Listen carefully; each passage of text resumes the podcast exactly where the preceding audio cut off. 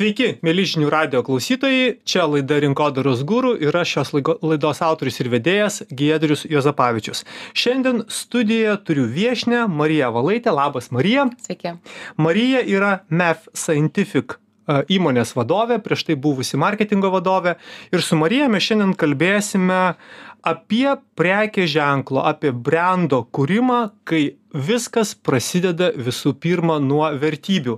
Arba kitaip sakant, kai vertybinis pagrindas yra viso ko pagrindas, kaip tada dėliojami procesai, ką tai duoda pačiai organizacijai, ką tai duoda klientui, ką tai duoda galiausiai pačiai kuriejai tai marija kažkiek labai trumpai esam kalbėję čia studijoj jau prieš keletą mėnesių kai dalyvavai lietuvos marketingo asociacijos organizuojamuose marketingo vadovų rinkimuose buvai ir nebuvai ir esi top dešimtuke.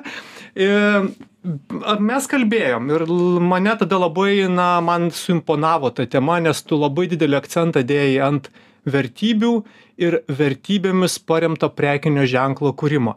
Tai gal pačioje pradžioje laidos, na ir pabandykime truputėlį pašifruoti arba išplėstą suvokimą, kas yra tas vertybėmis paremtas prekinio ženklo kūrimas. Aš gal šiek tiek um, iš toliau, jeigu pradedant, norėčiau pasakyti, kad iš esmės apskritai, kuriant verslą, netikiu, kad e, šiais laikais yra vietos pasaulio verslams, kurie nėra pagristi, paremti vertybėmis, e, požiūriu į tvarumą, požiūriu į darbuotojus ir apskritai e, išsig, nėra išsigryninę, kokią vertę nori atnešti rinkai ir vartotojui. Tai mes, kai pradėjome kurti visą konceptą MEF Scientific kompanijos, nuo brendo iki apskritai kompanijos kaip infrastruktūros labai norėjom iš tiesų turėti tokį pamatą nuo kurio atsispiria viskas ir komunikacinės žinutės ir vertybinės ir tas employer brandingas vadinamasis ir visa infrastruktūra ir ką mes apskritai norim kaip kūrėjai verslo kūrėjai ir komunikacijos kūrėjai atnešti e, visuomenei ar ne? Nes kodėl jie turi mūsų klausytis, kodėl jie turi iš mūsų pirkti, ypatingai mūsų sektorėje, ne industrijoje, kur yra, jis yra be galo perpildytas. Daugybė klausimų tokių būna, kodėl būtent grožio industrija ir taip toliau.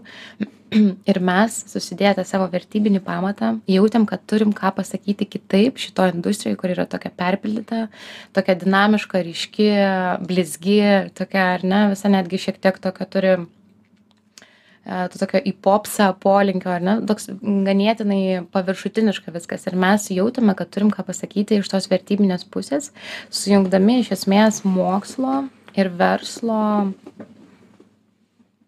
Tokia simbiozė padaryti. Simbiozė padaryti. Taip, tarsi tokį, sujungdami tą tokį bendradarbiavimą, nes e, rinkoje m, šiaip gal apskritai verslo pasaulyje yra toksai gana didelis atotrūkis tarp to, kas yra mokslas ir kas yra verslas, ar ne, kaip monetizuoti mokslą.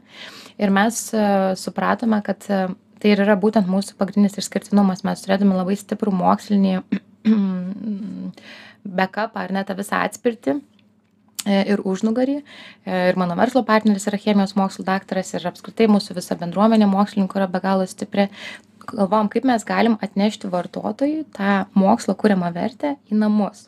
Marija labai įdomus faktorius. Tai gerai. Tai jeigu dar pabandytumėm tokiais sluoksniais pasidėlioti tai pirmas etapas pradedant kurti jūsų verslą ir po to jau gimstant pačiam brendui apie kurį mes kalbėsim tai pirmame etape buvo tai ką mini noras mokslo žinias konvertuoti į produktą atnešti iki galutinio vartotojo.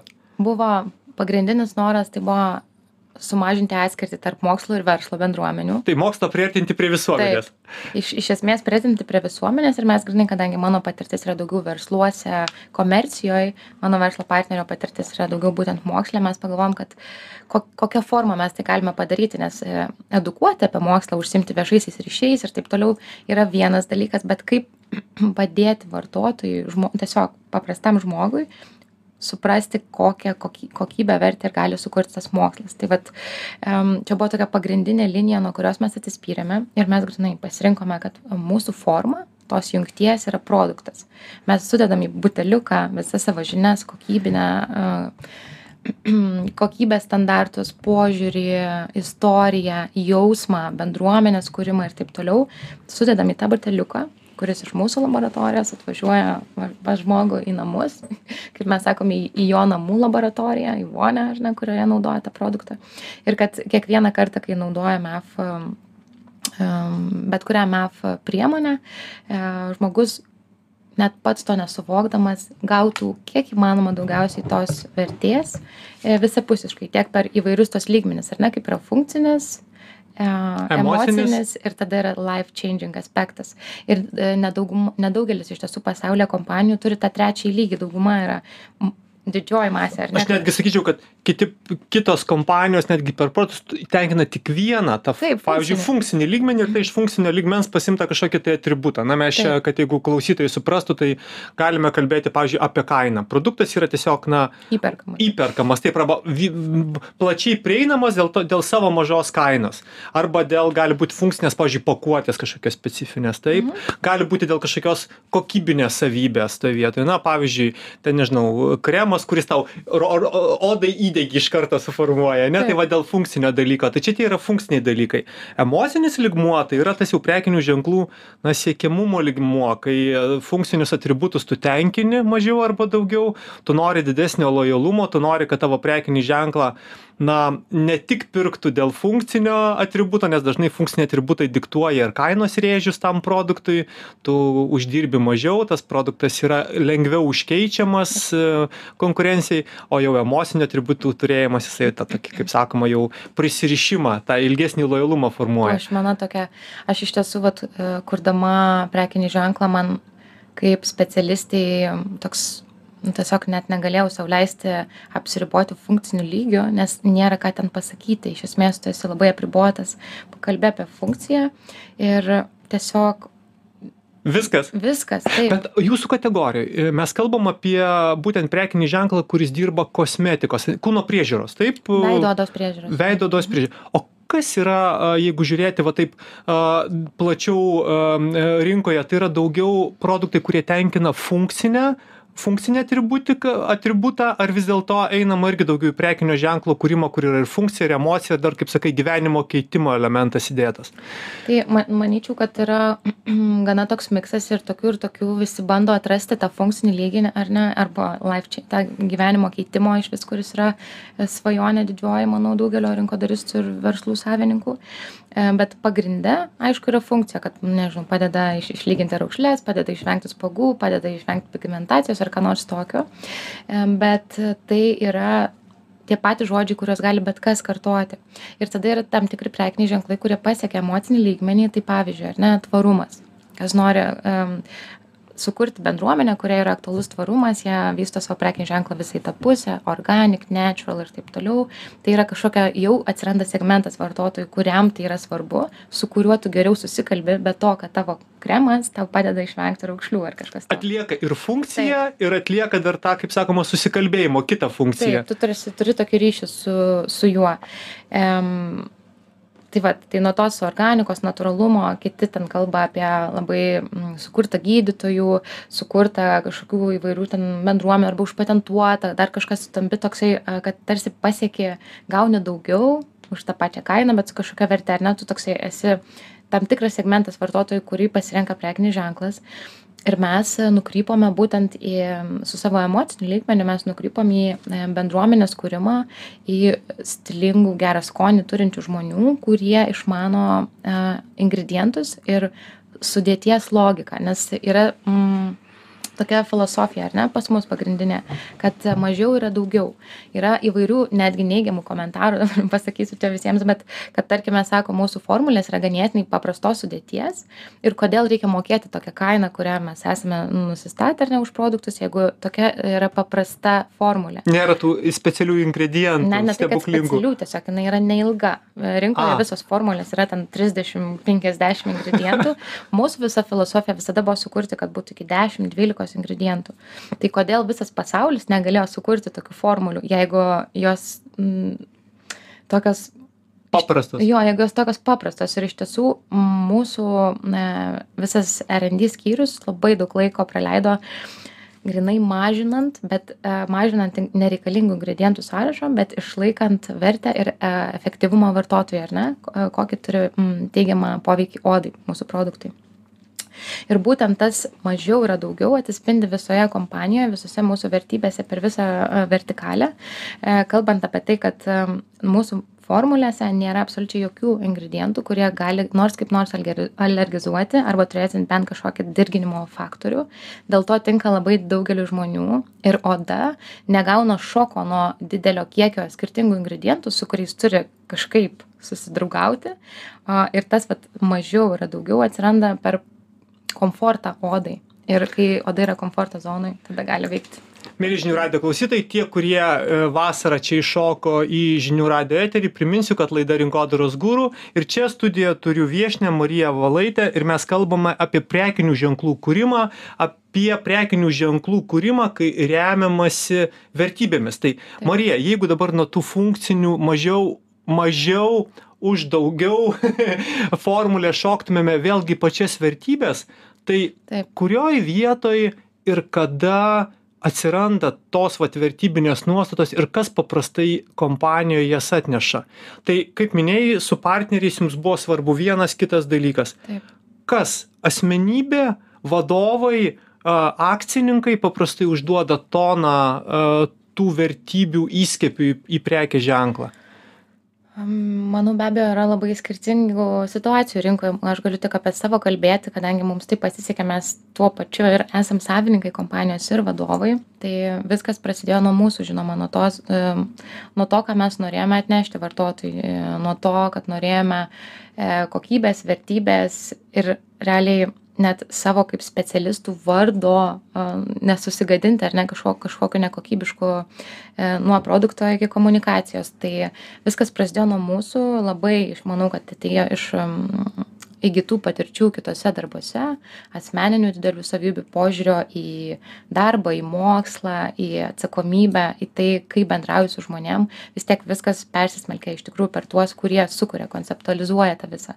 Tai mūsų esminės tos vertybės jeigu kalbant apie jas ar ne tai buvo visada um, moksliškumas pagrįstumas atvirumas teisingumas realiai vartotojui betarpiškumas tarp mūsų ir vartotojo ar ne? Mes realiai kuriam kaip sau visada ir patys naudojam ir taip toliau. Tai toksai noras atnešti kaip minėjau tą mokslo kuriamą naudą į namus per formą produkto. Ir viskas taip susidėliojo susidėliojo ir gaunasi taip kad išsikėlus tas vertybes tu turi jas po to pagrįsti per visus jo nes nes yra daug labai įmonių kurios na turi labai gražiai susirašę vertybes jos ten jų internetiniuose puslapiuose yra kitose įmonėse ten ateini į ofisą ant sienos kaba kad Mhm. nieks nepamirštų bukletuose ar ten kažkokiose tai metinėse ataskaitose dėliojasi o kaip realiai padaryti kad va tos vertybės na jomis jos ne tik būtų gražiai dailiai užrašytos o jomis dar tikėtų ne tik vadovai bet ir patys darbuotojai. Ir darbuotojai ir ir kad bre vartotojai ir kad ir būtent kad prekinis ženklas na jomis alsuotų ir ir nuneštų tas vertybes iki pat vartotojo pas mus gal buvo taip tiesiog kad mm, dar viena iš iš vertybių kurios nepaminėjau iš tikrųjų yra viena nu iš pačių svarbiausių tai yra žmogus. Tai atsispiriant nuo to kaip mes sakom mes kuriam žmonėms mes dirbame su žmonėms ir patys esame žmonės tai mūsų visą laiką yra kriterijus jeigu yra kažkokia situacija ar ten iš kokybinės pusės ar ten iš verslo pusės tau reikia greičiau bet ten gaunasi lėčiau tada ten kažkaip finansai kol suva suvaikšto ir taip toliau visokie kiti dalykai kur tam tikri sprendimai atsiranda sudėtingesni kuriuos reikia priimti.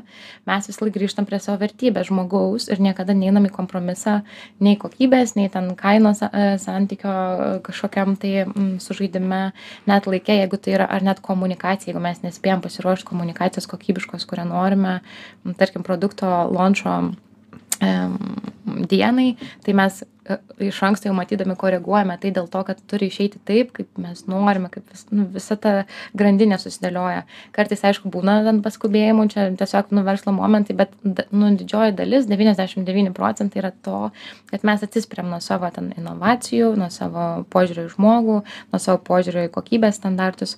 Ir daug daug yra tokių sprendimų priimta jeigu yra bent vienas precedentas kad kažkas potencialiai ne taip mes tiesiog jau net ir tai tapo ir įpročiu susiformavusiu kompanijos viduje tiesiog sakom ne tam kas yra ne tai ką mes patys darytume ne kas neatitinka tos tiek kokybinės visos tos- kartelės, tiek tai nekoreliuoja su jūsų vertybėmis. Jau- Tai ne tiesiog stabdot procesą, Taip. ten, pavyzdžiui, įvedimo kompaniją arba keičiat kažkokią pakuotę, nežinau, jeigu tai Taip. netitinka. Ir realiai net, jau aš net nekalbu apie kokybę, čia kokybė tai šimtų procentų, ne, bet net ir iš tos e, tikrai komunikacijos pusės, mm, arba, va irgi toks buvo kuriozinė situacija, pasidarėm 10 tūkstančių pakuočių, em, kur jau yra screen printas, em, neįmanoma pakeisti, nes dauguma produktų būdavo su lipdukais, kaip tu dar gali keisti. Ir kai kompanija auga, tai jau gali dėti tą screen printą, ar ne, vadinamai. Ir pasidarėm 10 tūkstančių pakuočių su um, praleista raide rašyboje. Nu, pa, pakuotė- Pačiame tekste, Taip, taip? pakuotės pavadinime, netgi toje A pusėje, net ne B, prašymo pusėje A. Ir vėlgi, kokybiškai tai negali išleisti pakuotės į rinką su klaida, bet vertybiškai aš negaliu sau leisti išmest 10 tūkstančių pakuočių, jeigu mes sakom, kad mums tvarumas yra prioritetas. Ir mes tada sugalvom visą kampaniją, kaip įdėti tą praleistą A raidę prie pakuotės, kaip papildomą kortelę, lipduką visiems, kurie nori, gali užsiklijuoti, nes mes tiesiog, mes dėkojam žmonėm, kad jie padeda mums išlikti tvariems ir mes pripažįstam savo klaidą ir tai mes ir taip, nu, toks įgaunasi simbiozė, tu randi per komunikaciją, kaip pasukti, bet e, neturi nusimint, nei, numinti, ar ne, nei savo kokybinių vertybių, nei savo vertybinių visų vertybių. Tai toksai, vėlgi, ir tas gaunasi, kaip, pavyzdžiui, kyla tokios idėjos spręs situaciją. Dėl to, kad kompanijoje mūsų visi darbuotojai žino, ko mes tikime. Ir kai jau matome klaidą, mums yra viena akimirka liūdna ir kitą akimirką mes galvom, kaip mes galim padaryti, kad nenukentėtų nei gamta, tarkime, nei vartotojas, nei kompanija finansiškai ir taip toliau. Kaip žmonės, jūsų būtent darbuotojai, na, buvo įtraukti šitą procesą? E, Į kurį? į vertybių vėlgi tą tokį vertybių įdiegimą ir suvokimą kad na jūsų kuriamam prekiniui ženklui vertybinis tas pamatas yra labai svarbus Iš tiesų mes e, realiai vat, prieš pusantrų metų pradėję savo veiklą labai sistemingai augom, po truputį su darbuotojais, dėl to buvo gana lengva su pirmaisiais, nes jie buvo kaip tie patys pirmieji, kurie patikėjo kaip šeimos nariai, kalbėti, kodėl mes, kaip mes, plus mes patys, visi akcininkai labai daug um, skirdom laiko įvairaus pobūdžio da- darbams, tai reiškia, kad labai daug laiko apskritai praleisdom su visa komanda. Ir iš pokalbių, iš požiūrio, iš juoko ir ašarų ir visokių emocijų, realiai toks įgaunasi, kad persismelkia, jie perima tavo požiūrį ir tu turi daug laiko neutraliam, mm, neformaliam kontekste kalbėti, kodėl tu sukūrei, kaip tu sukūrei e, ir ką tu nori pasakyti auditorijai. Ir po to tiesiog jau ateinant naujiems darbuotojams, mm, jeigu yra brandolys tinkamai suformuotas, tai natūraliai gaunasi toksai bent jau mūsų atveju tokias sniego gniūžtės efektas, kad visi tą žinutę viduje paskleidė ir tuo pačiu mes sugebėjom ir per išorinę komunikaciją mm, iškomunikuoti tinkamai savo prekinio ženklo vertybės, kaip mes sakome, kad esame, taip mes ir esame, kaip mes atrodome, taip mes ir esame ir tada mm, mūsų visi ten brand ambasadoriai, komunikacijos kanalai, messagingas tas ar nevadinamasis, viskas, ką mes pasirinkom, jisai koreliavo su tuo, kaip mes atrodome, viešieji ryšiai patvirtina, ten kažkokie gydytojai, mokslininkai ir viskas taip susijungia ir gausi, kad mes net ir rinkoje sugebėjom perteikti tas vertybės, tiesiog pasirinkę nuoseklę komunikaciją apie tą patį, ką dažnai daro, manau, prekiniai ženklai vis ieškodami, gal čia šitą pasakyti, nes madinga, gal čia tą pasakyti, nes madinga, ten mm, gal reikia parekomenduoti kažkokiu daugiau, ten, tarkim, kaip pavyzdys produktų, nes čia visi rekomenduoja, tai yra pardavimų skatimas, visa kita, o mes atėjom vėl su visiškai kitokiu, kadangi tas mažiau yra daugiau mūsų viena iš core vertybių, kad reikia ten, tarkim, odos priežiūroje tik dviejų priemonių vietoj penkių, nes užtenka, nes tas anas trečias ir tu pagrindė. Ir mes tokį labiau pasirinkome edukacinį kelią, kuris yra ilgesnis, em, daugelio vertinimų ir iš tiesų aš ir pati taip galvojau, bet jisai mums labai atsipirko, nes jisai mums, nu, mes taip greitai išaugom. Ir tas ilgesnis kelias mums iš tiesų santykinai buvo labai trumpas, bet tiesiog dėl to, kad labai, manau, viskas buvo sistemingai nuoseklu iš esmės. Marija, laida faktiškai baigėsi. Pabaigai tavo patarimas tiem, kurie dabar galvoja apie naujo prekinio ženklo kūrimą, nežinau, galbūt perpozicionavimą, galbūt vertybinio pamato sutvarkymą turimam prekiniu ženklui. Tai nuo ko reikėtų atsispirti ir nuo ko reikėtų startuoti? Aš rekomenduočiau kas man suveikė tai grynai nuo tos piramidės funkcinio emocinio ir gyvenimą keičiančio aspekto išsigryninimo nes tuo pačiu tu sau pats atsakai kodėl tu tai darai ar ne? Mūsų ten funkciniai e, funkciniai dalykai kodėl veikia buvo aišku emociniai kad mes norim kurt bendruomenę ir tokį socialinį ryšį tarp žmonių ar ne tam tikrą kad mhm, tu irgi naudoji mef toksai e, kad jaust jausmas būtų ir būti tais trend makers vadinamaisiais komunikacijoj ar ne kad ne mes sekam o mus seka kaip gerą pavyzdį. Ir tada tas life changing aspektas dėl ko aš apskritai į šitą būtent industriją ir verslą norėjau eiti tas buvo mūsų pasitikėjimo savimi grąžinimas žmogui. Kai tu vieną dieną užmiegi tarkim su problemine spuoguota oda ir panaudojęs tris dienas ar savaitę mef e, tau visiškai nu visiškai kitaip pradedi jaustis apie save kai tos problemos akivaizdžiai mažėja tai gaunasi kad tas žmogus iš esmės susigrąžina pasitikėjimą savimi. Ir mes esam nemažai žinučių gavę su padėka jūs pakeitėt mums gyvenimą. Ir tos žinutės yra tai dėl ko verta būti versle.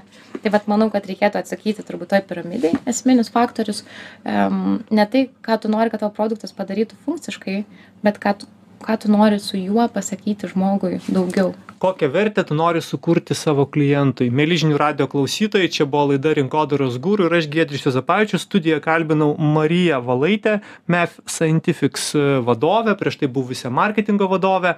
Tie kas nespėjo paklausyti visos laidos tiek šią tiek kitas laidas visada ras žinių radijo archyve. Taip pat begalės jų yra jutube spotifajuj tai ačiū visiems kas mūsų klausė. Marija ačiū tau kad dalyvavai. Tikiuosi kad mes čia dar pakalbėsim ir kitomis temomis ateityje. Na o aš sakau viso geriausio. Susikonektinkime susijunkime per linkediną jeigu turite įdomių temų jeigu turite įdomių klausimų apie rinkodarą rašykite klauskite o mes susitiksime po savaitės